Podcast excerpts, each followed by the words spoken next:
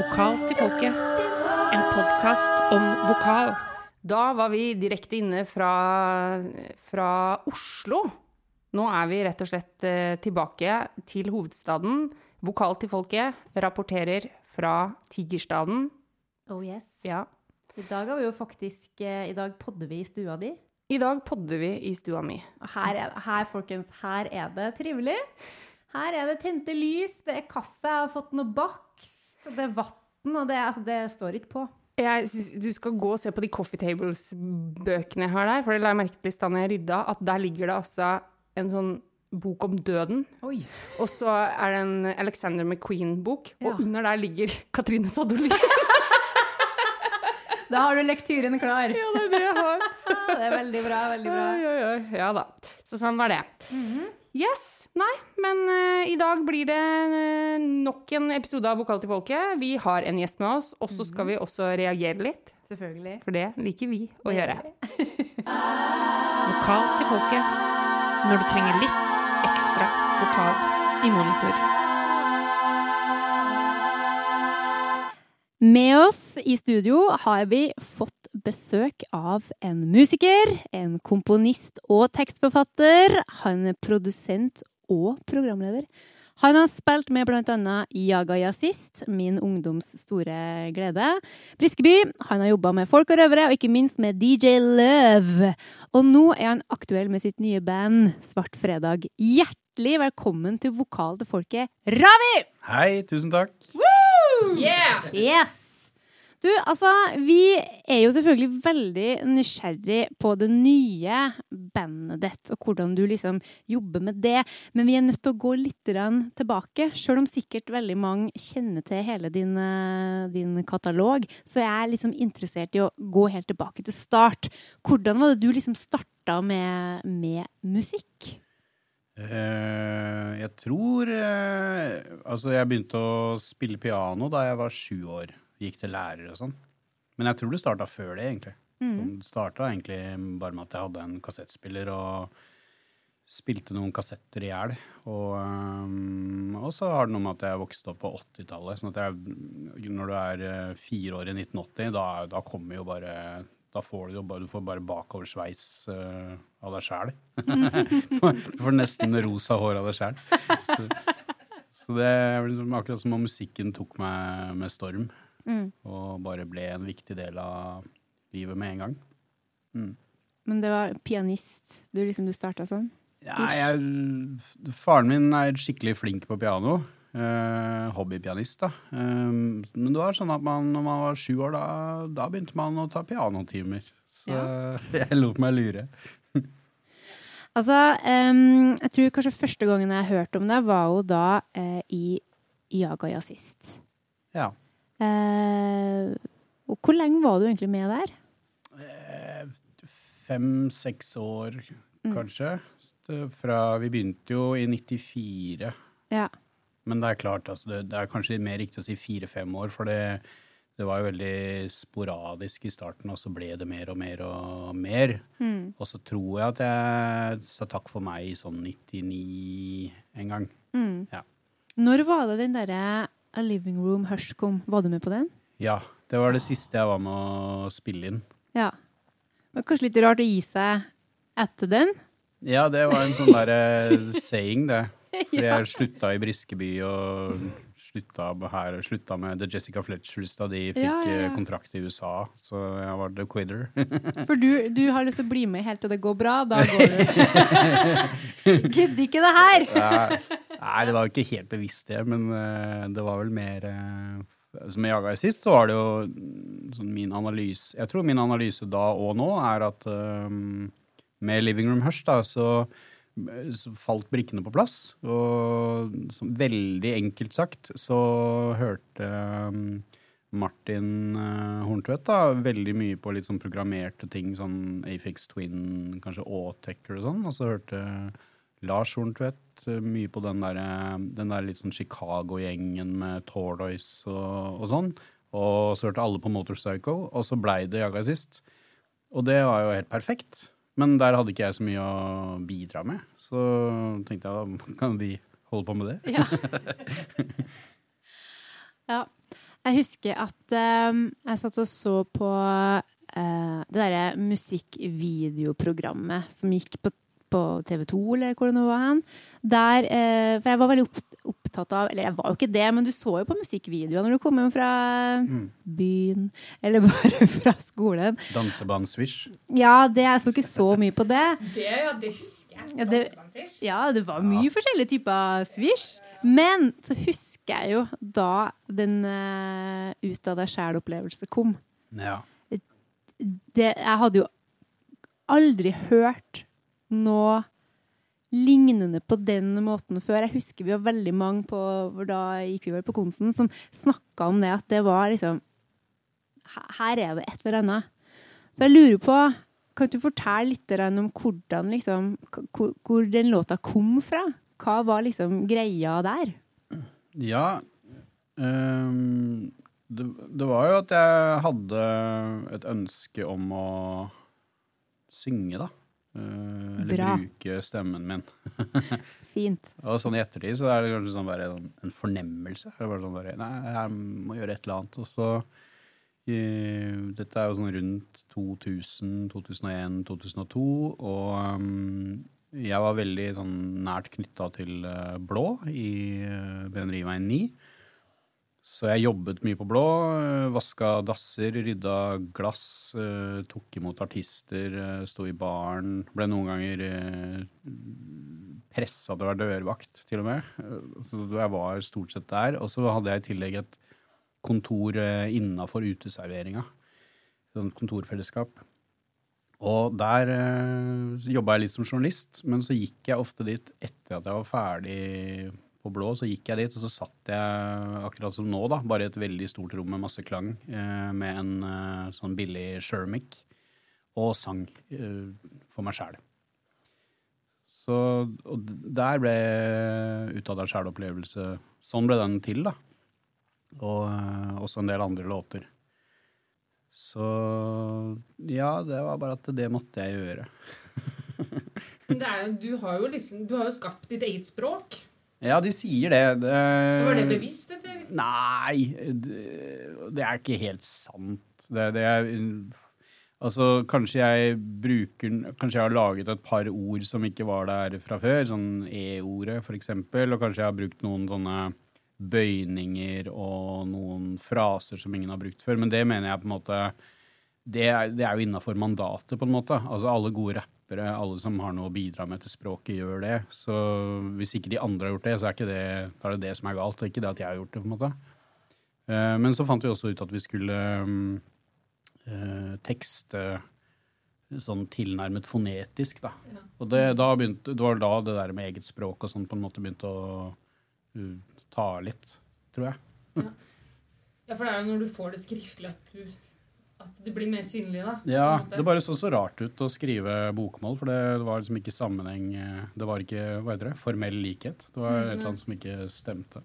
Ikke sant? Mm. Har du alltid vært eh, opptatt av, av språk? på en måte? Ja, det har jeg. Eller, ja.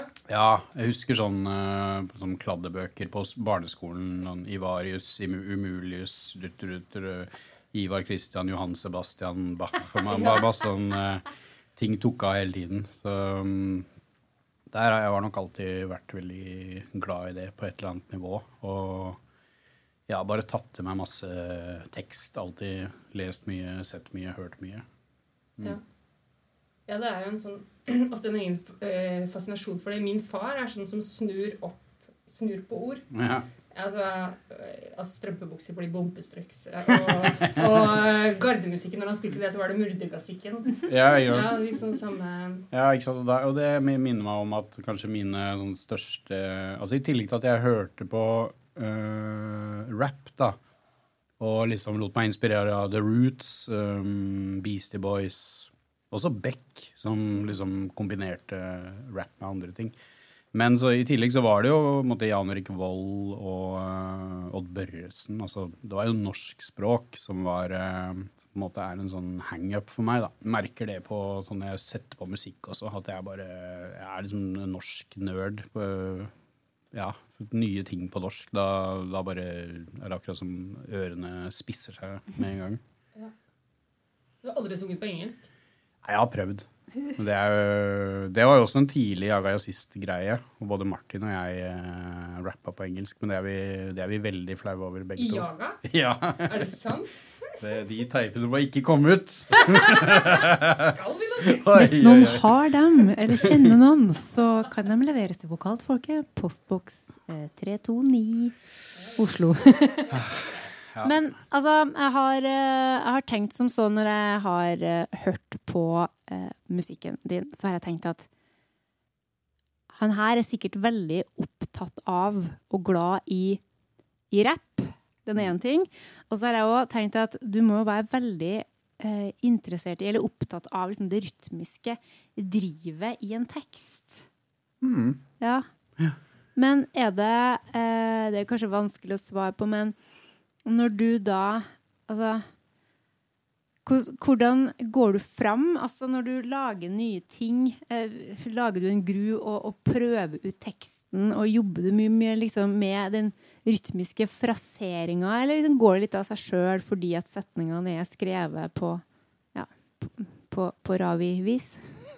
Ja, det er i hvert fall sånn at det er veldig viktig eh, Det er veldig sånn på detaljnivå hvilken stavelse som eh, er hvor. det husker jeg og det, og det, er kanskje litt sånn som ikke var så vanlig sånn før 2000. hvis du hører på sånn tidlig norsk rapp, så er det ofte sånn at, de, la, at det er sånn jeg gikk ned i gata, og så landa jeg der. Ja. Og så da, da, da, da mm. uh, Mens jeg vel da uh, tar trykksvak trykksvake deler av ordet på trykksterke steder i låta. Ja. Tror jeg. Mm. jeg ikke- jeg kommer ikke på noe eksempel akkurat nå, men eh, at, jeg husker Jeg vet ikke om du kjenner Laila Samuelsen? Kjempeflink eh, låtskriver fra Kjent fra The Tuesdays. Ja, ja, ja, selvfølgelig. Ja, Ja. ja. Hun er jo helt rå, og, og vi jobba litt sammen. Og hun sa at uh, hun kunne, selv om det ikke var meg som sang, så kunne hun høre hvis, hvis jeg hadde gjort noe. For det, fordi jeg landa på feil sted noen ganger. Ja, så det er, men det er nok, uten at jeg tenker så mye på det, så er nok det en liksom viktig del av uh, uttrykket. Og hvis jeg skriver, jeg skriver også det bare tekster i den derre uh, notepad, eller hva det heter, i iPhone. Og da må jeg liksom ha sånn at hver, hvert slag er eh, altså, Det er et mellomrom da, mellom hvert slag, og hvis en, et ord skal lande på ågen, så da er en strek, og så ordet. Og så mellomrom. Så, ja, så jeg har mitt eget sånn måte å skrive på, sånn at jeg skjønner hvor, skjønner hvor ordet skal være, på en måte. Så det, Noen ganger kommer jeg på tekster og skriver det sånn. Hvis det var det du spurte om, da. Altså, hvordan jeg utvikler tekster. Eh, Så noen ganger kommer teksten først. Eh, De siste årene så har jeg jo jobbet en del med mm, andre produsenter i en sånn morsom gruppe som heter eh, Hiphop Norge. Så da er det ofte sånn at jeg skal kaste meg på en beat som ikke jeg har lagd. Det er, noe, det er ganske mange år siden jeg har gjort det, egentlig. Så da er det jo mer sånn å Ja, jeg, men jeg jobber, jeg, jeg jobber vel i den der gule appen på iPhone uansett, egentlig. Mm. Ja, men jeg tror nok det er veldig mange som eh, enten tar opp små snutter eller skriver Ja. tekster og har liksom en del sånne drafts liggende. Mm. Men du har altså da Du er jo da allerede der på detaljnivå og eh, tydeligvis da har en tanke om hvordan det skal høres ut. Ja. Men er det Er det, det Ja, for du, du eh, synger slash rapper eh, på, på dialekt, ikke sant? Ish. ja, det tenker jeg heller ikke på. Men, uh... Nei, men jeg tror, du- jeg tror du gjør det. for da, for da og- eller, eller For noen ganger har jeg tenkt at uh, når jeg har hørt på noen av de eh, linjene dine, at så bra at han kan si det sånn. Eh, for at du liksom korter ut, eller korter ned noen ord, da. Eh, trøndere er jo veldig glad i det. Vi avslutter jo aldri noe. apokop. ja, det må vi ha. Nei, men um, å, For at jeg har jo gira meg opp i dag og hørt på mine, mine utvalgte favoritter fra din rikholdige katalog. Og da legger jeg liksom merke til at noen ganger så Eller jeg har tenkt at her er det en type som har uh, full oversikt over, uh, over liksom det rytmiske. Har du studert noe musikk?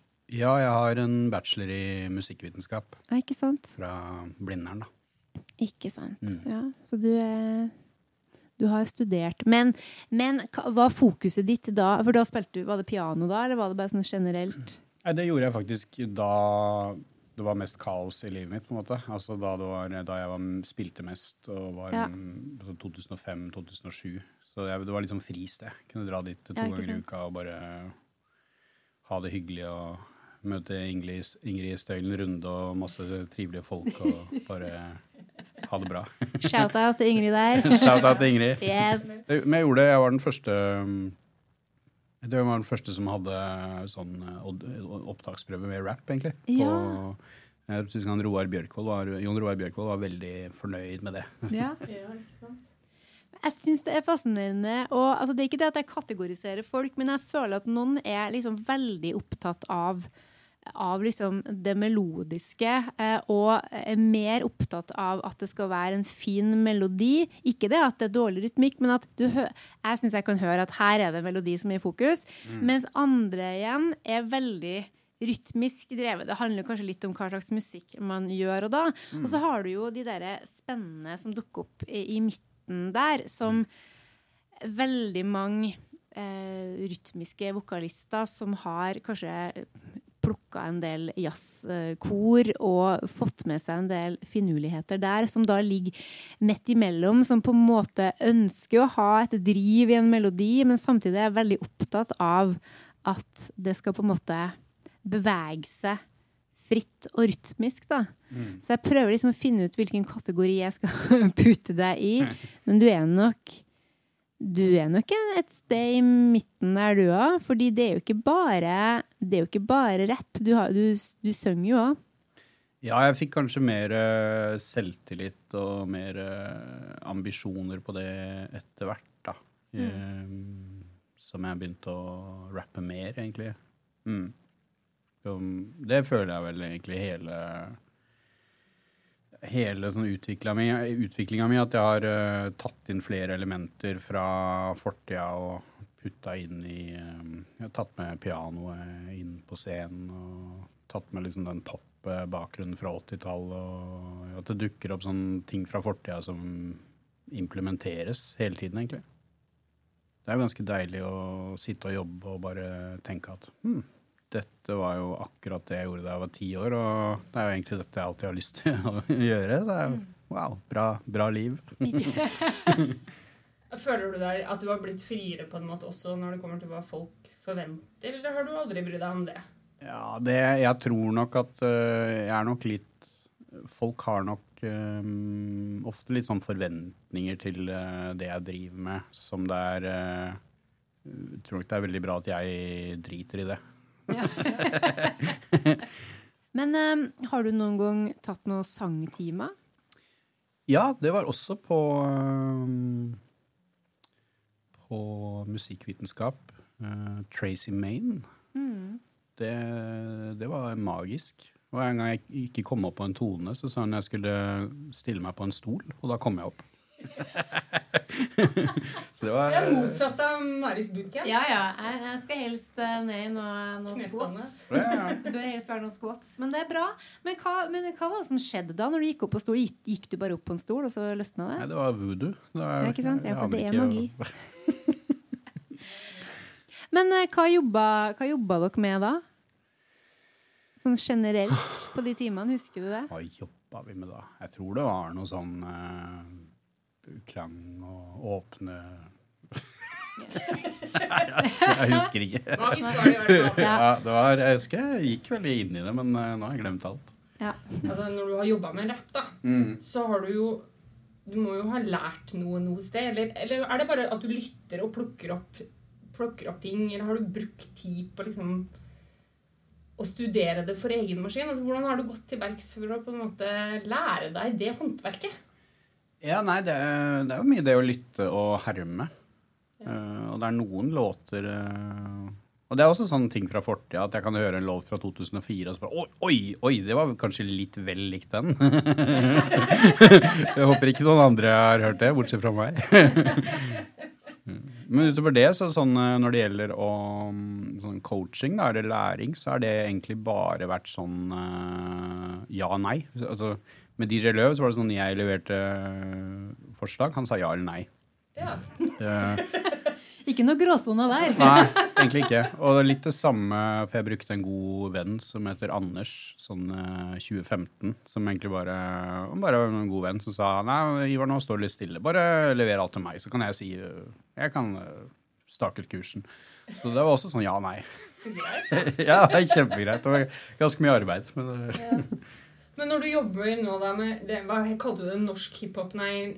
Mm. Det, du fortalte at du jobber med noe hvor du, du skulle rappe Altså norsk hiphop Jeg husker ikke navnet. ja, ja, ja, eh, ja, norsk, hva heter det? Norsk Hiphop Norge. Hiphop Norge Eh, var ja, det. ja. Norsk hiphop, hiphop Norge. Ja, ja. Ja, Hva er greia der, da? At du skal Er det impro, eller skal du levere Ja, nei, det, det er veldig Jeg har ikke gjort det på et halvt år nå. Det er veldig morsomt. Eh, De, eh, hvor mange medlemmer har de? 5000, kanskje? Så, så bare de har de sånn eh, ja, sånn annenhver måned eller noe, så er det sånn OK, folkens, nå lager vi en mixtape. Hvem vil produsere? Hvem vil synge? Så bare melder folk seg på i kommentarfeltet. Og så har de et sånn random program. De bare putter inn alle navn, og så bare blablabla, sånn uh, lotto uh, kommer ut bare Det kommer ut par. og så er det bare å ta kontakt i Messenger og så sende greier fram og tilbake, og så blir det låter. Ja, Så det er egentlig sånn, litt sånn lag på lag at du spiller inn noe, og så går det videre til neste? Ja, det er ofte sånn at en produsent lager en beat, og så er det ofte sånn at du får et sample, at det er et eller annet sånn tematikk, sånn Harry Potter, eller nå er, det, nå, er det Back to School, eller bare et eller annet, og så lager alle Får du en bit, og så skal du bare synge på den, og så, ja, så blir det 20 låter. Og hvor havner de? Eh, på SoundCloud. Ja, så kult. Det er kjempegøy. Veldig gøy. Det er jo noe å tenke på. Det skjer så mye gøy i det hiphop. Jeg føler det hiphop-miljøet er Ja, litt der sånn er det. Der er det så mye gøy. Ja, Altså, ja. det er litt hemmelig. Så er det veldig kult. Det er en som heter Martin Bråten. Han bor i Drammen eller noe. Og eh, Kim et eller annet. Nei, det er noen, liksom, det er noen voks... Altså, de er nok sikkert yngre enn meg, men de føles som voksne, da. Som driver gruppa. Og som er veldig kule. Og, liksom, og det er, ikke sant, I den gruppa der er det masse testosteron og aggresjon. Og noen ganger så tar det 'hallo, dette er ikke real', og det er mye sånn mas. da, og da, Men de, da kommer de gutta 'hallo, nå må vi være venner', og sånn. Det er noen fin, eh, De burde få statsstøtte. Det er fine folk. Ja, så kult. Jeg er veldig fascinert av hiphop-miljøet. Jeg synes eh, det er Og det har sikkert blitt større i Norge, for det har jo Det har blitt veldig stort på verdensbasis. Ja, ikke sant? og det er jo en sånn kjempestor subkultur, eh, tenker jeg, da. Ja. Og jeg er glad for at den er såpass stor i Norge. Det, det er ikke noe selvfølge. Jeg er ofte litt sånn misunnelig på Sverige. Og Sverige har jo Hva er det Sverige har? De har dobbelt så mye mennesker. Og da blir jo alle sånne små eh, små avarter innenfor eh, musikk eller kunst blir jo dobbelt så store, vil jeg tenke meg. Sånn at eh, altså Det beste for norsk kultur og norsk språk, eh, det er jo bare å åpne grensene for eh, innvandring. Da, da vil det skje eh, vil det bare skje mye mer. Og det hører jo også sånn eh, på de nye tingene. Ikke sant? Carpe Diem, Arif og sånn var jo ganske sånn banebrytende på ja, bare på, sånn på uttrykksform og ord og alt mulig. Mens nå skjer det jo masse som er langt bortafor det igjen, hvis du slår på National Rap Show en fredag og sjekker ut det Tommy T eh, spiller. Det er så mye spennende på norsk. Så nei, det er gøy, altså. Det er kjempegøy. Du sa det at du, eh, når Karina spør om hvordan du liksom har lært deg det her, så at du har herma veldig mye. Ja. Eh, men hva har du herma etter? Jeg har herma etter eh, Jeg har bare herma etter sånn, sånn, En sånn flyt jeg liker, for eksempel. Um, og det kan være Det er ofte Det har alltid vært min greie at jeg liker som et band, da. Jeg liker alltid feil plate eller feil spor. Jeg dykker inn Jeg kommer inn fra alltid inn bakdøra, på en måte. Som, eh, sånn at det er, det er jo fint, da. At det er aldri akkurat det andre liker som jeg liker. Mm. Men eh, ja, for eksempel Dødssøt, så er det mm, en uh, låt helt på slutten av Blueprint med JC, hvor uh, da Eminem er gjest. Låt som heter Renegade. Og det husker jeg var i, i, jeg hørte jeg fikk helt uh, bakoversveis. Og det er, liksom, det er apropos sånn, og Eminem er jo ekspert på det å lande på feil, uh, feil lande, på åg. så, så det var sånn jeg Det jobba jeg masse med for å utvikle versene på Dødsøt. Det er nok egentlig ganske umulig å høre, men eh, det er på en måte arbeidsmetoden. Ja.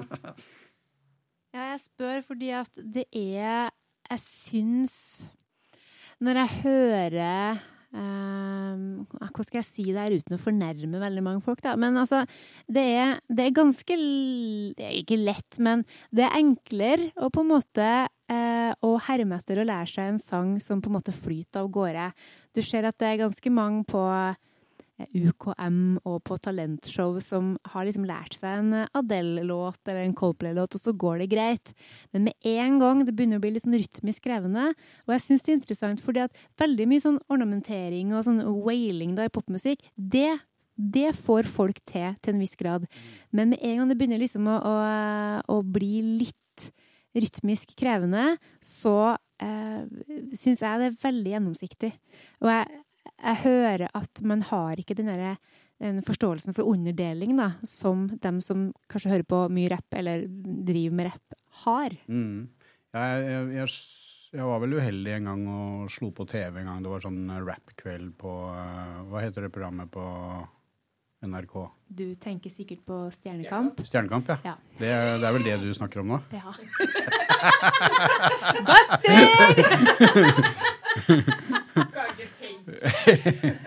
For der, men der òg er det jo Det er jo flinke sangere Ja. som er med. Mm. Flinke folk som gjør spektakulære ting, og som, eh, som gjør så godt de kan. Men, eh, men det er en sånn grunnforståelse som man ikke rekker å øve inn på i uke. Eller nå får de jo sikkert, de blir jo sikkert spurt i, i, som, på sommeren om de har lyst til å bli med, men du, Ja. klarer ikke, og, du klarer ikke å bli god i hiphop på to måneder hvis ikke du har noe forhold til det, tenker jeg da. Nei, men du Jeg tenker litt sånn i forlengelsen av det du sier. Har du Oi, nå, nå sliter jeg med vokalen her. Ikke sant? Mm, mm, mm. Må du opp på en stol? Ja. Oi, oi, oi. Hvor er Tracy når jeg trenger henne? Nei, nå har du Mari og Karina. Ja. vi er vokal til folket. Vi, Ja. Du ringer, vi ringer. Oi, det er Ja. fint. Har, Var det sånn eh, ID? Burde kanskje vært det. ja. Ja, hva var det Jo, hva var det, jo du, snakker om eh, det der med å lære seg rap. ja. Eh, men eh, jeg tenker at Eller det jeg ville svare deg da, er hvor ofte har du hørt en rap-cover? Greit. Men det, er- altså, det er et eller annet med rap som, hvor, hvor det med eh, tekst, rytmikk eh, og mm, med eh, tonalitet går opp i en høyere enhet, tenker jeg da. Eh, sånn at, sant, det hender at sender, det hender at noen skribler det noe, noe rim til meg på et ark og sender meg på e-post. Og så sier jeg 'hallo, er ikke jeg en god rapper'? Nei. ja, det er liksom Nei, sorry. Altså det, det, går ikke an å ta Du kan ikke ta ett av elementene. Du kan ikke ta bare rytmikken, du kan ikke ta bare tonaliteten, du kan ikke ta bare teksten. Alt henger sammen. Og, ikke sant, og stemmeklangen. Uh, og du kan ikke uh, ta ut ett element der. Det, det er klistra sammen, og sånn er det. Og det er kanskje noe med det der å lære seg rap også. At jeg, vet, jeg er litt usikker på om man kan lære seg rap. For det, det er eh, Det blir litt sånn svulstig, men det er deg, da. Det er ditt uttrykk, og sånn er det. Veldig bra svar. Ja, det var det. Og så finnes det jo, det finnes jo forskjellige typer eh, rapper, da. Det gjør det jo. Eh, og noe er Altså, når det Jeg er dårlig på konkrete eksempel, men hvis du har sånne der- litt sånn eh, rock og rap, Ja. så det, da er det kanskje litt mer sånn punchy, føler jeg at det er. Der òg det liksom, handler det om betoning, men når Altså for eksempel eh, Rage Against the Machine, da. Ja. Der, det, det er på en måte én måte å gjøre det på. Og så uh, har du da for eksempel da JC, ja. som jeg føler jobber på en litt annen måte. Begge Altså, jeg tror nok at mannen i gata ville sagt at begge deler er rap. Ja, det, det er snak, snakking over musikk. Ja, Rage, Rage Against the Machine er jo litt sånn testosteron, da. Ja. Og um, funker jo kjempebra. Men det er kanskje ikke så mange Det er, det er ganske mye sånn Det er ikke så mange stavelser, og så er det liksom eh, Kanskje JC ligger på sånn 50 eh, energi over hele låta og pusher på med masse ord, da. Mens Rage Against the Machine er mer sånn eh, masse trøkk på de få orda som Ja. faktisk kommer.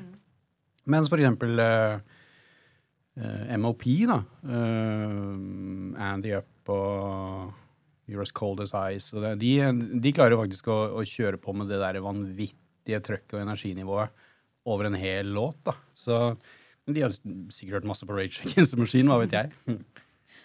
Nei, men det er jo en god del metal òg, tenker jeg, som har eh, på en måte rap-elementer i seg, både hvor det går fort og er mye greier, Ja. eh, men kanskje altså Både at man- skriker på én tone, men av og til at det er toneløst også. Så, sånn sett, men, men det er bare et annet sound, da, kanskje. Eller Ja. ikke det du forbinder med det, men, men hvis man plukker det fra hverandre, så er det likevel en god del av de samme elementene.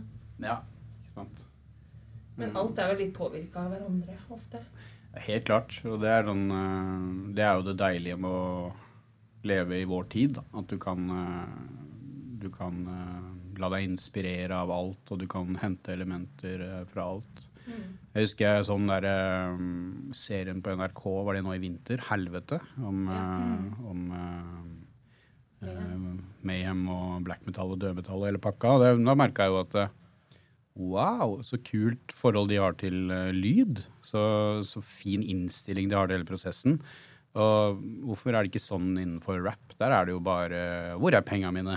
så, så jeg bare kjente wow, jeg kjente sånn, en sånn slektskap da, eh, til den gjengen der. Mye sterkere enn til eh, noen innenfor eh, hiphop i Norge, egentlig. Ja. Interessant. Men du, du har jo også hatt et sånt program på TV ja. som heter Landeplage. Mm. Og der er det jo Der har du jo forska litt på hits og, eh, og sånn. Jeg er litt interessert i å høre vokalens plass der.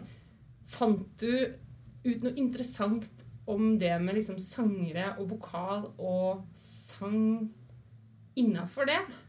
Ja. Skjønner du hva jeg mener? Hvor jeg vil hen? Det er ikke sikkert du tenkte på det når du lagde programmet, men dukka det opp noe der? Det er et godt poeng. Uh, vi, uh, jeg tenker vel kanskje umiddelbart på programmet om Take On Me. Eh, hvor dette med å være virtuos da,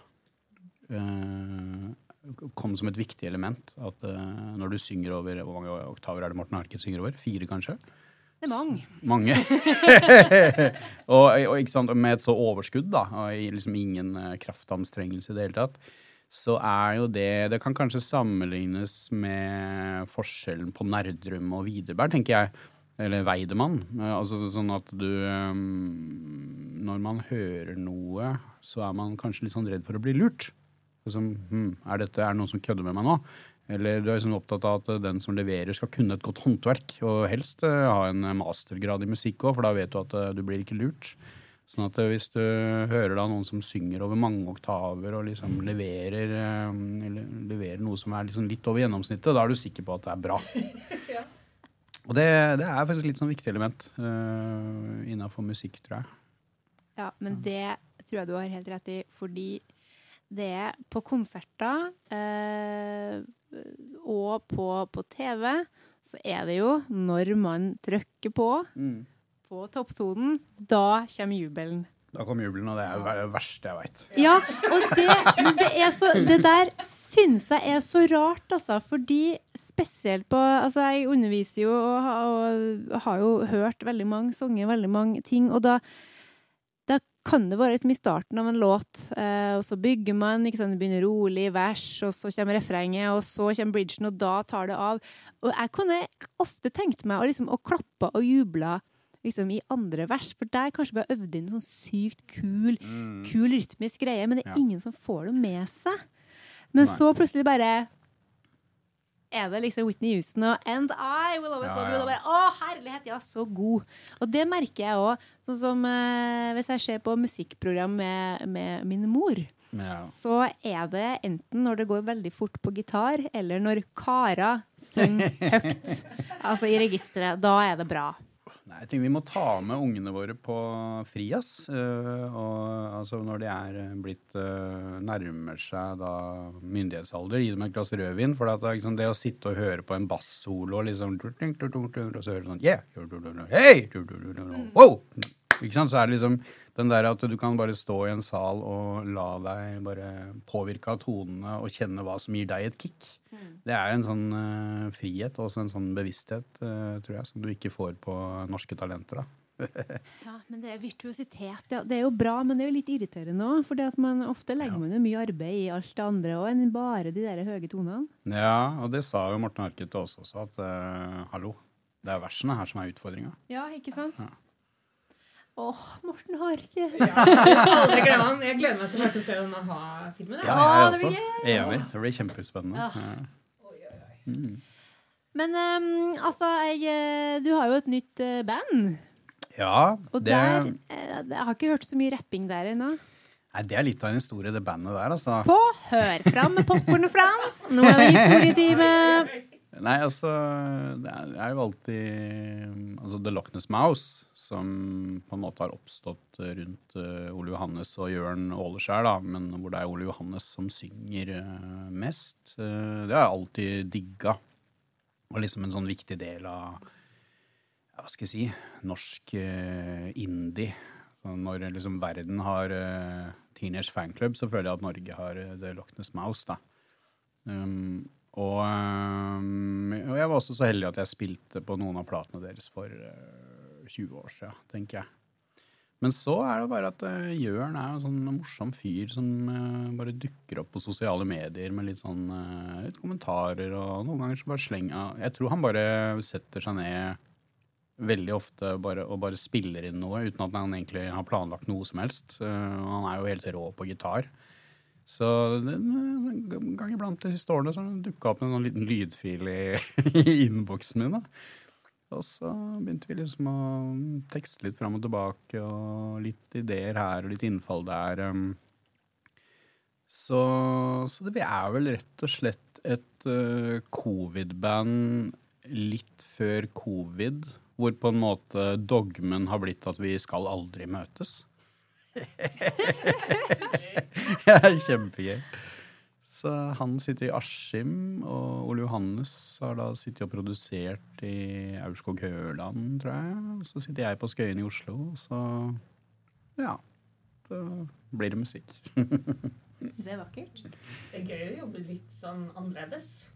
Ja, jeg Og litt sånn Det er nok litt sånn med min eh, sosiale kapasitet òg, at jeg er, eh, jeg er jo en sosial type, samtidig som jeg trenger masse, bare masse tid for meg sjæl. Så det passer meg ganske greit, egentlig, å øh, jobbe på den måten. Og så er det mm, jeg tenker en sånn, For meg er det en liksom mulighet og en litt sånn åre da, til å ut, eh, utforske mm, litt sånn melodiøse ting.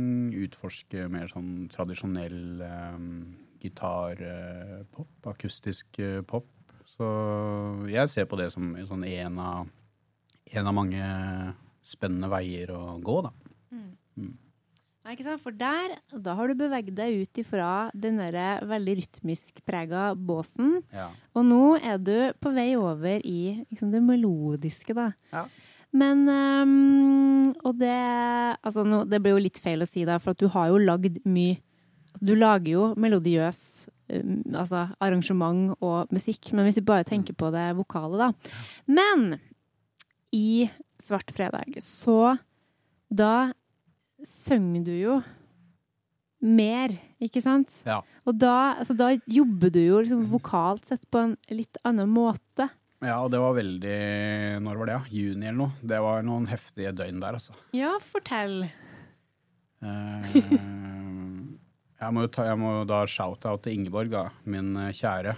Uh, uten henne hadde det ikke gått på Og da, og da snakker jeg liksom i, i tre betydninger av uh, den setningen. uh, men hun, i tillegg til å liksom støtte meg og være kul og sånn, så er hun veldig sånn god coach på, på vokal og hører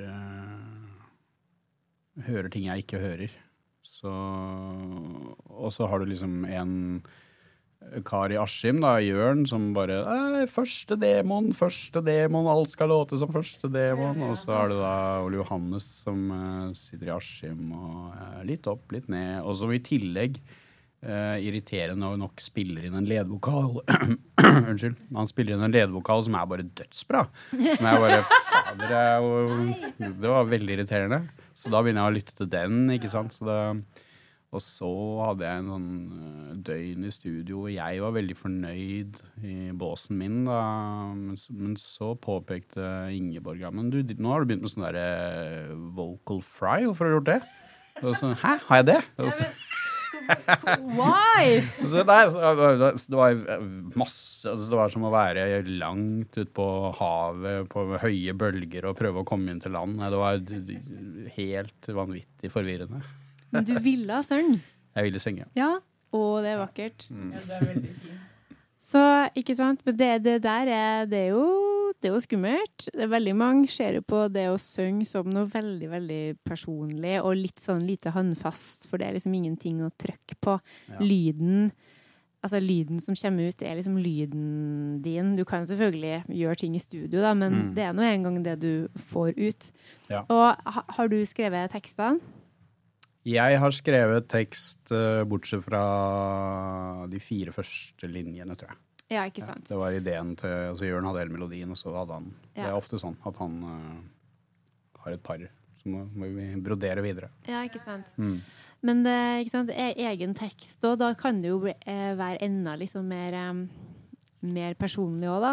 Så Mm. står man der, da, og kan Ja. ikke lenger gjemme seg bak liksom kule beats og, og frekke fraseringer på samme måte. Nei. Det er, det er en overgang, altså. Ja, og det er ofte den der, eh, de der to taktene før du skal inn.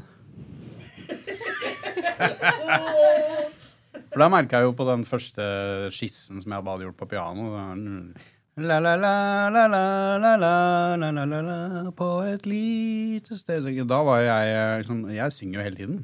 Mens da liksom så bare OK, nå gjelder det. Å, faen, nå gjelder det. OK, skjerp deg nå. Og da blir det jo bare dritt. Så det er vanskelig. Det er vanskelig å synge. Det er vanskelig å synge, det er det. Ja. Det skal jo være vanskelig, for vanskelig er gøy. Ja, Du må ha litt motstand. så, men min eh, Altså min sånn eh, eh, innfallsvinkel og egentlig sånn plan for eh, de neste 50 årene, det er jo bare ha så kort vei da, som mulig til ferdig resultat. Så liksom alltid ha mikrofonen i nærheten, alltid bare synge inn, eh, ja, ja produsere egentlig. Det, for det, er kanskje som du lærer med årene, at du har jo ikke så mye kontroll. Det er- kan godt hende du spiller inn tre låter, og så tenker du at nummer tre er bare fy faen, det er bra, og så er det jo egentlig den nummer to som du egentlig tenk, ikke tenkte så mye på, som, eh, som funker. Ja. Det, ja, det er veldig sant. Men eh, kort vei til resultatet, altså. Snap, snap. Ikke overanalysere, er det det du tenker? Jeg bare vil eh, Jeg har liksom jobbet ganske mye med å slippe å gå til et studio. uh, slippe å isolere et rom. uh, slippe å knote med noe greier. Bare trykke på en knapp og synge. Det er fint. Ja, det er det. Ja. det er noe, og så er det, jeg må jo si til han som var opptatt av den demoen Det er jo noe med det. Det er alltid noe magisk. Ja, det er I den alltid første noe. demoen. Det er noe du aldri f- Det er utrolig får, irriterende. eh, Ja, det er noe med det. Og jeg husker jeg snakka med han som jeg jobber med, han produsenten jeg jobber med, som han var veldig sånn åh, alle artister, alle band forelsker seg i demonen sin. Mm. Og det, jeg forstår at det er irriterende for de som skal på en måte produsere eller mikse, eller hva det nå er. Men samtidig så er det noe i det òg, da. Ja, ja, ja. Det er noe i det. At det er alltid et eller annet som man bare aldri får tilbake. Men det er jo det som er bra med å spille inn demoen. Altså nå, jeg har jobba masse med det. Bare, øh, når jeg spiller inn demo nå, så er det øh, med riktig mikrofon, og Mm, det ja. er ikke noe tull. Sånn at det, noen ganger kan demoen brukes. Nettopp. Ja. Så, men uh, altså det beste eksempelet er jo den der eh, PJ Harvey four-track demos. Ja. Det er, det er min favoritt PJ Harvey-plate. Ja, ja, ja. Sånn var det. Den er spilt inn på sånn uh, firespors uh, kassettspiller. Uh, Ja, men ser du for deg at det blir mer eh, eh, Ravi-rap? Eh, god stemning er ordet. Korte ord. Nå høres du ut som faren min. Men, Ja, eh, ikke sant? Men det kan godt være det. Han sier sånn, ja, du må lage den dødsøt en gang til. Vet du. Enig. Eh, jeg, jeg spiller inn ting hele tiden. Jeg har veldig lyst til å gi ut noen uh, låter, og etter hvert noen album hvor jeg gjør alt. For det er, det er min lidenskap. Kult. Da tenker jeg at eh, det som gjenstår nå, er å takke. Der har vi fått du ville ta turen. Det har vi satt stor pris på. Jeg hadde tenkt vi skulle snakke om sånne norske pianotrioer, egentlig. Ja. Sånne, sånne jazztrioer. Da... Det er piano til folket. De er på Ja. Jeg er på det andre rommet, Ja, men du Ja. kan, eh, de er veldig greie, de folka der. Så det går Ja. sikkert an bare å banke på døra og spørre. Jeg synes Det er noe av det verste jeg veit. Det er sånne norske jazzpianotrioer som slår igjennom i Japan. Med masse sånne følelser og sånn. Det Med altså, det er, følelser. Ja, nei, det er liksom den verste musikken jeg kan tenke meg i hele verden. Så, men jeg skal gå over til det andre rommet og Du får si det til dem. få ut På eder og med galle. utestemmen, og Ja. så er det bare å gi dem inn. Hils fra oss. Gjør det. Nei, men takk for at du kom. Takk for meg. Ha det! Vokal til folket reagerer. Vi fikk jo veldig mange gode tilbakemeldinger på forrige podkastepisodes Vokal til folket reagerer. Så der eh, føler vi at nå Da må vi fortsette med det. Vi satte veldig stor pris på det. Um, det. Vi har fått melding på eh, Facebook og på Instagram, så fortsett med det altså, hvis dere syns det er bra. Eller drit, det vi holder på med. For vi trenger tilbakemeldinger. Men du, jeg skal ta og så um, prøve å følge opp litt grann Altså, vi kom jo inn på det når vi snakka med Ravi òg, eh, men eh, jeg må tilbake til Stjernekamp. Ja. Jeg må det, altså. Um, og det, det blir jo sagt Det blir sagt en del ting, og så er det mye som ikke blir sagt i det hele tatt. Um, og så blir det slengt litt rundt med, med setninger som er litt vanskelig å forstå, spesielt hvis man er sangpedagog og er vant til én måte å liksom, Eller flere måter å ordlegge seg på, da. Men um, la oss nå eh, sette eh, saken her. Vi er på eh, countrykvelden, Ja. Ikke sant? Oi, for en nydelig Ja, det. Åh, det der må nok være en gave fra Gud! Unnskyld. Det går helt fint. Det er jo vann, jeg. Ja, ta litt vann nå mens jeg setter saken her nå. Jo. Eh, Mona B. Riise, hun eh, skal gi tilbakemelding til han eh, Marius. Han har sunget en John Denver-låt. Eh, og da sier hun følgende Du er automatisert til å synge med teknikk og klassisk, og uttalen og ordene og diksjonen er der, sier hun. Vanskelig setning. Det er, Eh, mye, det er mye info. det er veldig mye info. Um, hun sier alt det der. Og jeg går ut ifra at det her er egentlig slags uh, skryt, da. Ja. At uh, han, uh, han er liksom automatisert til å synge med teknikk og klassisk eh, og uttale. Altså at han er god på diksjon og ord og uttale og, og, Ja. ja. og synge teknisk, da. Men hun savner altså da eh, country-twang. Så hun klarer på en måte Hun gir litt sånn eh, mystisk ros, og så savner hun country-twang. Det er det eneste hun savner, da. Sier ikke så mye mer om de andre eh, stilistiske elementene ved countrysjangeren, men ja. Og så eh, Kurt Nilsen hiver seg på. Han også savner litt mer country. Sånn generelt, da, tydeligvis. Eh, og han sier at han tror at Marius gjerne vil vise at han har en god stemme, fordi han er vel litt forkjøla eller noe sånt på denne episoden her. Ja. Så han sier at eh, han tror ja, at Marius gjerne vil vise at han har en god stemme, og at han da dessverre gir mer med magen enn med halsen. Det er klart at som sangpedagog så er det mye som lugger med den setninga der. Ja, det kan man si. At man gir mer med magen enn med halsen, og det er da tydeligvis det er negativt. Så det, hvis jeg skal gjøre meg sjøl dummere enn det jeg er, da, så leser jeg ut ifra det her at eh, eh, det er feil å gi eller å bruke magen, da. Jeg går jo ut ifra at det er en slags altså, At han på en eller annen rar måte prøver å snakke om noe støtte eller noe sånt. da. Men hvis du skal høres ut som country, så må du for guds skyld ikke gjøre det. Nei, for det hører klassisk til, kanskje? Det er Ja, um, ikke sant. Sånn jeg Ja. oppfatter det, kanskje. Og for Mona trekker jo fram det at det er automatiseringa til å synge med teknikk. Eh, og på Altså Jeg ser på meg sjøl som en rimelig person. Ja. Jeg tenker som så at eh, jeg skal legge godvilja til. Jeg tror at eh, både Kurt og Mona mener at han er en flott sanger, eh, men at det ikke var liksom country nok, da. Ja.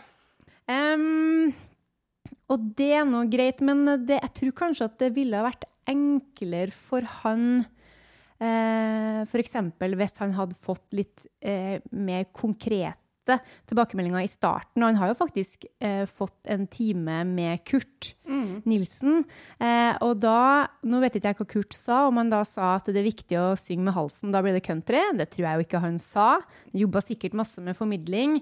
Og det er nå greit, men hvis du ønsker deg en spesiell type sound, så tror jeg jo at det er bedre for alle parter hvis du da som pedagog eller veileder klarer å sette fingeren på hva du vil ha. Eh, og nok en gang da, så tenker jeg jo at publikum rundt om i de mange hjem eh, Kanskje det her bare går rett over hodet på dem, at de ikke tenker på det. Det kan jo godt tenkes at det er liksom sanginteresserte som henger seg oppi her, da. Men, eh, men eh, jeg tenker som så at eh, for min del så tenker jeg, og nå må jo du selvfølgelig, hvis du er Jeg kaster meg på, vet du. ja, jeg tenker at grunnteknikken er jo den samme uansett om du skal synge jazz eller klassisk eller vise eller soul. Du Mm. skal jo helst ha kontakt med kroppen din. Ja. Vær liksom fleksibel, avspent i kjeve og hals. Du bør ha en fri og god pust.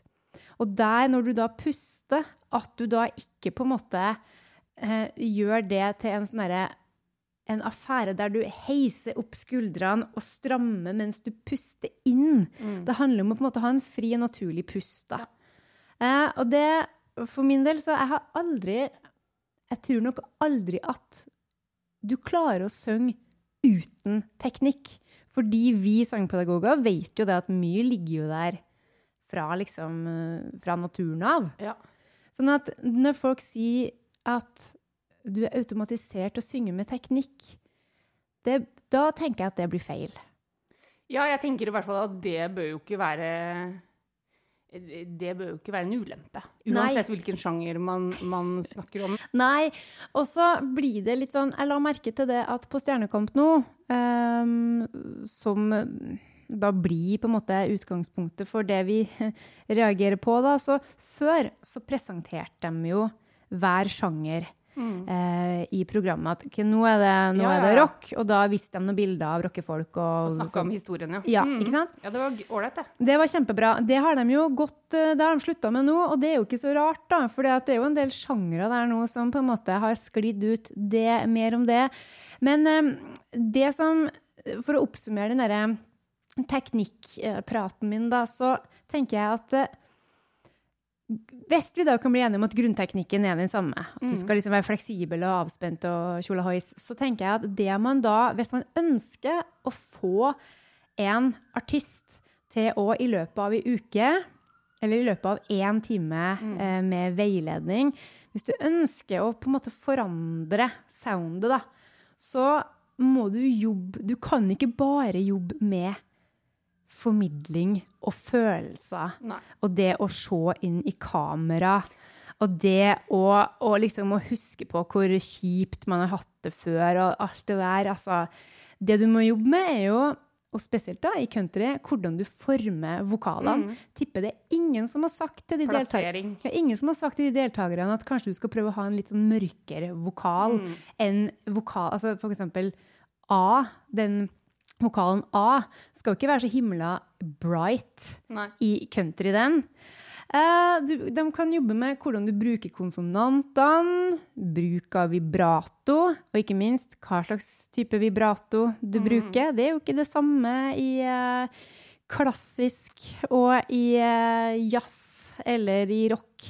Resonans, klangfarge og selvfølgelig klangbruk. Hva slags ornamentering du bruker hvis du skal bruke det. Altså, for å oppsummere, da, sjangerkunnskap. Du må finne ut hva som er karakteristisk for den sjangeren du skal jobbe i. Og det fins veldig mye crossover nå, som går på kryss og tvers. Man plukker det man vil fra de sjangrene man liker, og lager seg en miks. Så dette er en ganske vanskelig jobb. Og det kan tenkes at du er nødt til å starte forberedelsene dine på internett eller i et um, uh, leksikon, hvis noen har det. Det bør folk ha. Um, musikkhistorie er jo tingen her. Og for å på en måte For å klare å, å, liksom å få fram nøyaktig hva jeg mener, så har jeg lyst til å fortelle deg litt. Det er jeg så klar for. Ja, nå vet jeg jo at du eh, kjenner godt til den eh, sjangeren her, men hvis det er noen av dere som hører på som nå lurer på hva, er- hva er liksom Vi maser ganske mye om sjanger, jeg og du, at det er viktig, og tjo og hei. Ja. Så hvis jeg sier R&B Mm. til deg nå, Ja. hva sier du da? Altså, det første som faller i huet på meg, er 90-tallets R&B, men det er bare fordi at jeg var oppvokst på 90-tallet. Oh yes. Men jeg vet jo Say my at name, say my name. Nettopp. Eh, og ja, så, så det er, men det er jo fordi at eh, jeg er født når jeg er født og sånn, men Mm. jeg vet jo at eh, R&B har en lang historie. Så Mari, fortell mer om det, er du grei? Yes. Fordi at R&B, altså R&B står for Rhythm and Blues. Oh yes. Det er jo da en musikksjanger innen populær afroamerikansk musikk, som faktisk har sin opprinnelse på 1940-tallet i USA, ikke 1990.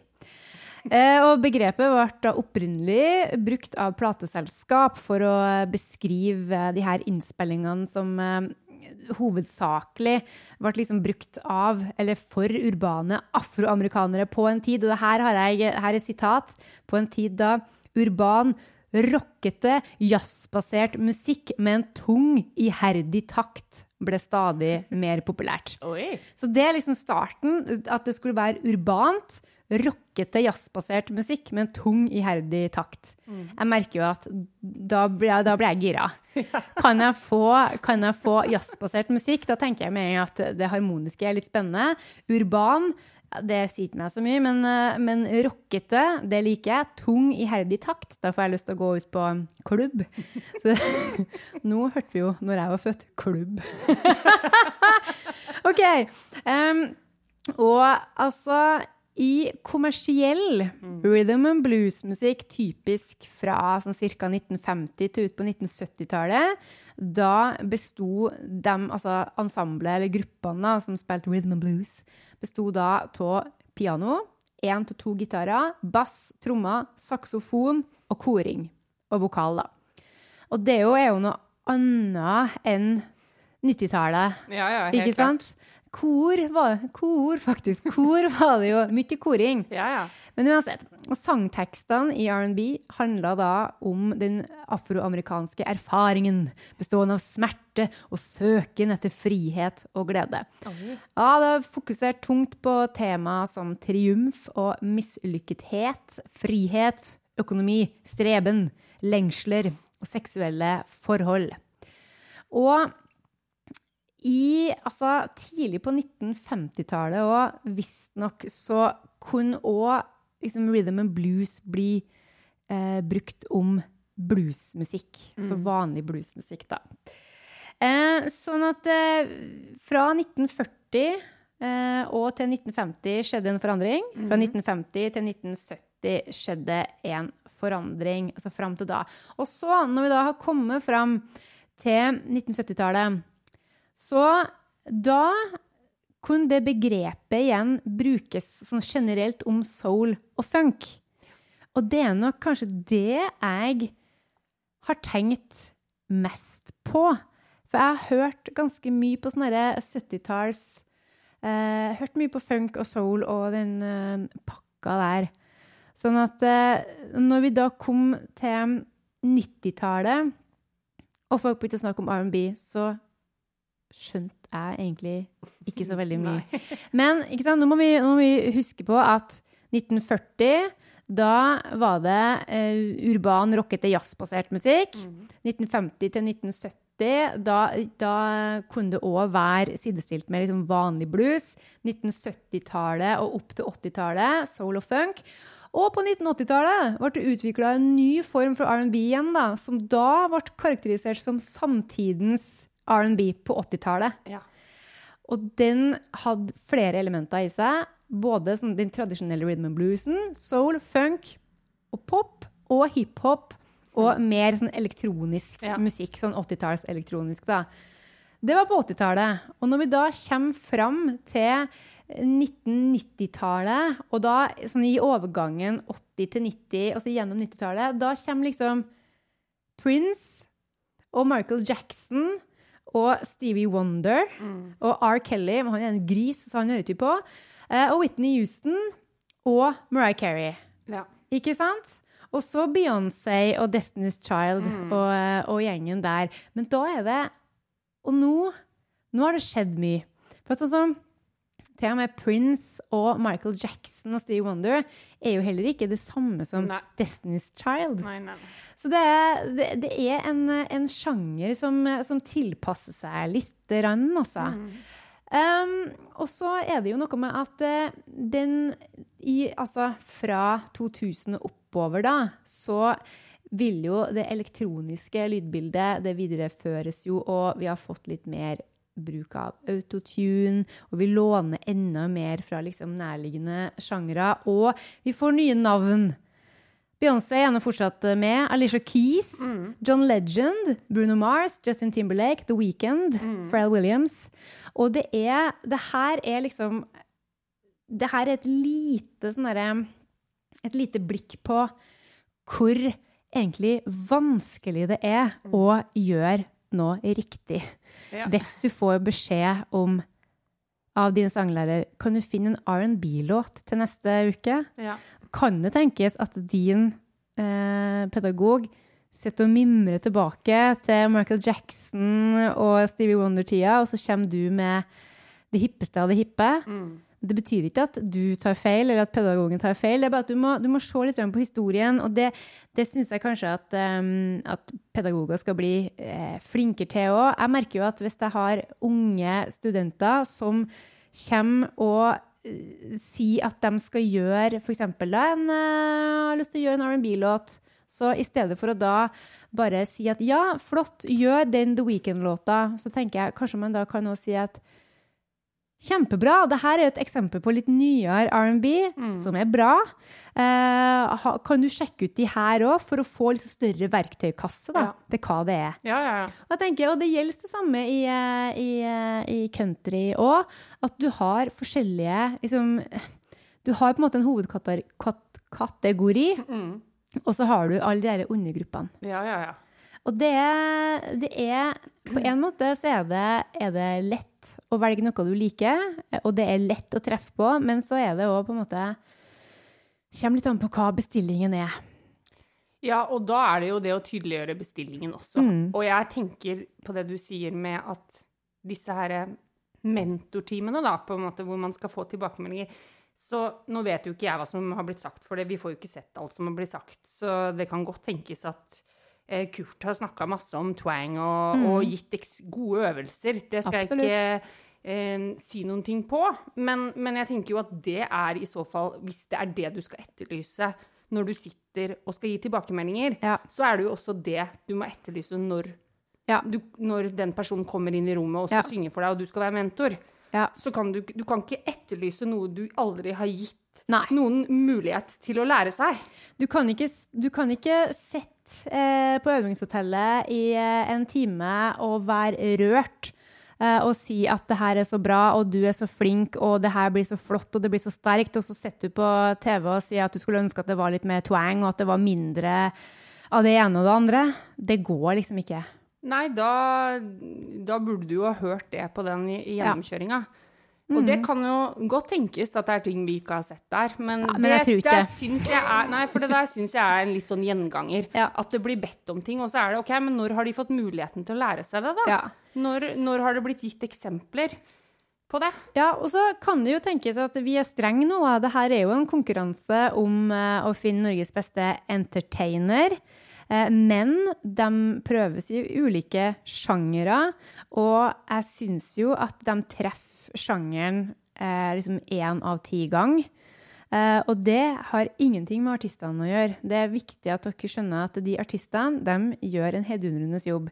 Jeg stiller vel heller spørsmål med på en måte, ja, hvordan det jobbes, da, og hva du etterlyser. Sånn som den personen som aldri er med og jobber med dem, altså Mona B. Riise, hun er jo ikke med og jobber med dem, så hun vet jo ikke hva som har blitt uh, sagt. Men det er jo litt det, det kan ikke være så veldig gøy å være en artist da, som har jobba ræva av seg, men at du ikke får høre at det er for lite twang eller for lite ditt og for mye av datt. For det er ganske hardt, for det her, folk står på TV, liksom. Veldig mange som ser på det her. Ja, ja. Og det, og det ligger der. Du kan gå inn på NRK når du vil, og så kan du se det. Det er ikke så veldig kult. Så her er det litt sånn derre her, her er det noe ansvar som må tas. Sammenligner hvis jeg sammenligner det litt med Skal vi danse, så tenker jeg at de som danser der Det er sikkert meninger om Skal vi danse også. Jeg, nå er ikke jeg noen danser. Takk og lov for oss alle. Nei, men eh, du eh, tar lett koreografi, du. Ja, ja, ja, jeg er ikke vond å be. Men, men det jeg tenker er litt forskjellen, er disse danserne som har jo en dansepartner. Ja. En profesjonell dansepartner som er med de hele tiden. Yes. Og det betyr jo ikke at man kan få orden på alt. Det vil jo ikke si at hvis, hvis eh, sangerne som er med i sånne eh, sangprogram, hadde hatt en sangpedagog der hele tiden, eller en mentor der hele tiden, at man ville få orden på alt. Men, men man har lengre tid da, på kanskje på å få justert på ting, og hele tiden eh, ja, bli litt obs på det man, man bør jobbe med. Mm. Så det er jo helt andre forutsetninger for å kanskje eh, levere et bra produkt. Samtidig, selvfølgelig, der er de jo helt Altså, det er jo ingen som er dansere fra før. Her er de jo sangere fra Ja. før. Så det er jo absolutt selvfølgelig en viktig forskjell, da. Ja, det er det. Det er klart. Men, men jeg mener jo det at eh, bestillinga må være tydelig Ja. før du kan gi tilbakemeldinger Mm. eh, om noe som kanskje ikke artisten visste at han eller hun skulle tenke på engang. Ja, ikke sant. Ja. En annen ting da, som vi, eh, for vi satt jo og så på det her um, eh, countrykvelden sammen, Mhm. og koselig. Ja. Og da eh, husket jeg jo hvem som sa det, men eh, det var sikkert du som sa de bevingede ord. Bort med særpreg, inn med sjanger. ja. Og det er vel kanskje noe av det bedre eh, sitatet du har slengt ut fra deg. Og det sier litt, for du sier mye Ja, jeg er raus med gode sitater. Ja, fordi, for det òg er på en måte Det, er, det virker som at det er um, Det er veldig mange som ikke klarer å skille mellom hva de er vant til å gjøre eh, når de gjør egne ting, eh, og hva som ikke hører hjemme i, i, sjangeren. eh, i sjangeren. Det mm, kom på en måte Altså, det, det, det blir jo Det blir avslørt det er, altså jeg syns det er litt lett å høre på enkelte. Og da tenker jeg òg Er det her noe som eh, kanskje burde ha vært sagt på den eh, veiledningstimen? Eller skal vi by på det i en sånn konkurranse, som skal være hyggelig lørdagsunderholdning? Eh, fordi du er oppe på et ganske høyt nivå sånn sjangermessig hvis du i tillegg til å lære deg nye eh, stilistiske ting og skal på en måte eh, ta vekk det du sjøl digger å gjøre. Ja. Men um, altså, for hadde, hadde vært på en måte på en um, Ja, på en eh, Altså i undervisningssammenheng, på en høyskole der man jobber med multisjangere, så kan ikke du ta med deg eh, alt ditt eget inn i det hvis målet er å, å lære seg en sjanger. Nei. Det går ikke. Eh, men selvfølgelig står du står jo mye mer fritt hvis du, hvis du lager din egen musikk Mm. og bestemmer deg for at Ja, jeg skal lage moderne R&B med et snev av black metal, men jeg har tenkt å ta med meg eh, min jazzsang inn i det her. Ja, da syns jeg at bare du skal gjøre det. du. Ja, da Hvis noen har lyst til å gjøre det, så send meg en eh, link til Soundcloud. Ja, for det, det tenker jeg at det må du bare gjøre, da. Men hvis oppgaven din er at du skal gjøre en countrylåt, eller country and western song, hvis det er bestillinga, og den skal gjøres så likt som mulig opp til det den sjangeren er, ja, da er det noe helt annet enn å Mm, vise sin. Ja. Og det er jo òg Man får jo ofte Og det her syns jo jeg er eh, rart, men eh, det snakkes jo veldig ofte om at når de gjør da eh, sjangeren norsk på norsk, som eh, Som er en spennende sjanger som jeg aldri har hatt er undervisning i. i hvert fall. det er jo så dumt at jeg finner ikke ord, men når de skal gjøre norsk på norsk, altså som egentlig bare er å synge en norsk tekst, så da skal de vise hvem de er. Ja. Det skal du liksom ikke gjøre i de andre sjangerne. Nei. Og det her er litt, sånn, jeg har litt problem med det òg, faktisk. Men, eh, men det Men eh, Jeg, ja. jeg, jeg må si at jeg Det er kanskje litt sånn, det handler ikke bare om stjerner, men jeg er litt generelt provosert for meg som Jeg jobber eh, på et annet språk, og eh, jeg lar meg provosere litt av det. At liksom OK, du synger ikke på norsk, nei, nei, nei, men da da mener du sikkert ikke noe med det, eller noe. Ja. Altså, er helt enig. Ikke, det, det lar jeg meg provosere litt av. At Ja. Mm. liksom, å ja, nei, da er det ikke så nært. Jeg skjønner at flere kan forholde seg til det, og at det er lettere å nå ut til, Ja til enhver og enkelt. Hva heter det? Enhver og, hver og enkeltmann? Nei, hver, hver og en. takk. Ja. Hver og en. Ja, men, altså, men da blir det liksom Men hvorfor skal du alltid tenke på publikum? Hva, Ja, ja. Altså, er det, er det alltid, skal det alltid være motivasjonen for å synge en sang? Ja, som du sa òg, hvis du synger på norsk, skal det være sånn, og nå skal det være sånn Hvorfor kan du ikke ta en litt sånn Det kan jo være om noe litt sånn trivelig og hverdagslig. Det trenger Ja. jo ikke å være at liksom man eh, Det trenger ikke å være døden nær. Nei. Hver det gang. jo- Det er for all del innimellom, men, men det at det liksom er en del av sjangeren, det forstår jeg ikke. Nei, det syns jeg er veldig veldig rart, altså. Og det som er problemet med det her, da, er jo det at når vi får trykt det her opp i skjermen hver lørdag, så setter det seg til slutt rundt omkring. Og da begynner folk å tenke at OK, kanskje jeg skal, kanskje jeg skal finne en sang på norsk sånn at jeg får vist hvem jeg er. Eller ja, nei, jeg, jeg vil ikke vise hvem jeg er, så jeg skal bare synge på engelsk. Jeg vet, Unnskyld meg. Hvis du som komponist og tekstforfatter skriver en god tekst, så har du skrevet en god tekst, uansett hvilket språk det er på. Og hvis du gir det du har i den teksten, så er det det samme hvilket språk det er Ja. på. Det blir for dumt å si at ja, vi trenger å ha en norsk på norsk-kategori, så folk kan få landa. Men du har jo den visekategorien noen uker etterpå! Det jo samme maset da òg! Føling og grining og Altså, jeg har ingenting å reagere på fra, fra den latino-visekvelden, for det ble ikke sagt noe annet enn kos og klems. Og jeg merker jeg blir, jeg blir så provosert, altså. For synging er hardt arbeid, og det handler om så ekstremt mye. Det handler om å røre folk, ja, men fytti grisen, det, det er så mye å, å, å jobbe med, og det blir for lettvint at det Nei. Det er veldig... Da reagerer du, Mari. Ja, nå reagerer jeg, Så Jeg var så provosert. Jeg hadde nesten ikke lyst til å se noe mer, fordi at bare Ja, men nå går det, nå går det sport i å komme med blødmer, og det ligger en eh, Det ligger en eh, kjempefin eh, artikkel ut fra NRK Satirisk. Satiriks? Satirisk? Satiriks? Vet ikke. Nei. det var vanskelige ord. Satire, satirisk må det jo være. Ja, det må jo være det. Ja. Der noen har skrevet en, eh, en liten anmeldelse, anmeldelse av Stjernekamp og anmeldelsene og tilbakemeldingene, og den er veldig god, fordi Å den er det har ja, den. Nei, den skal du lese, for den er altså spot on. Ja. Og hvis noen nå syns at eh, vi har vært bøs nå, og at vi kjefter og smeller, så må dere bare synes det. Gå inn og les den art artikkelen. NRK Satirisk. Vi kan jo linke til Ja, vi må gjøre det, for det ordet vil jeg aldri si noe mer. Nei, men um, også selvfølgelig hvis, altså, dere må nå veldig gjerne reagere på det her, da, for at nå har vi reagert. Nå kan dere reagere, folk og fe.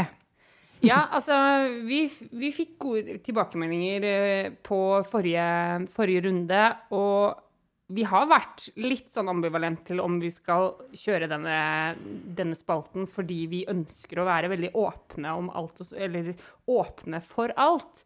Eh, og vi ønsker å være en positiv podkast, så vi ønsker ikke å liksom drite ut noen eller være kjipe. Men eh, det er nå eh, også sånn at vi må få lov som fagfolk til å reagere Ja. på, på ting innimellom. Mm. Eh, og kalle en spade for en spade.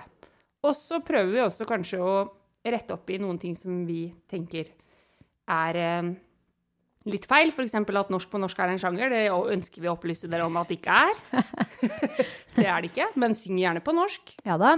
Om eh, døden og hverdagen. Absolutt. Ja.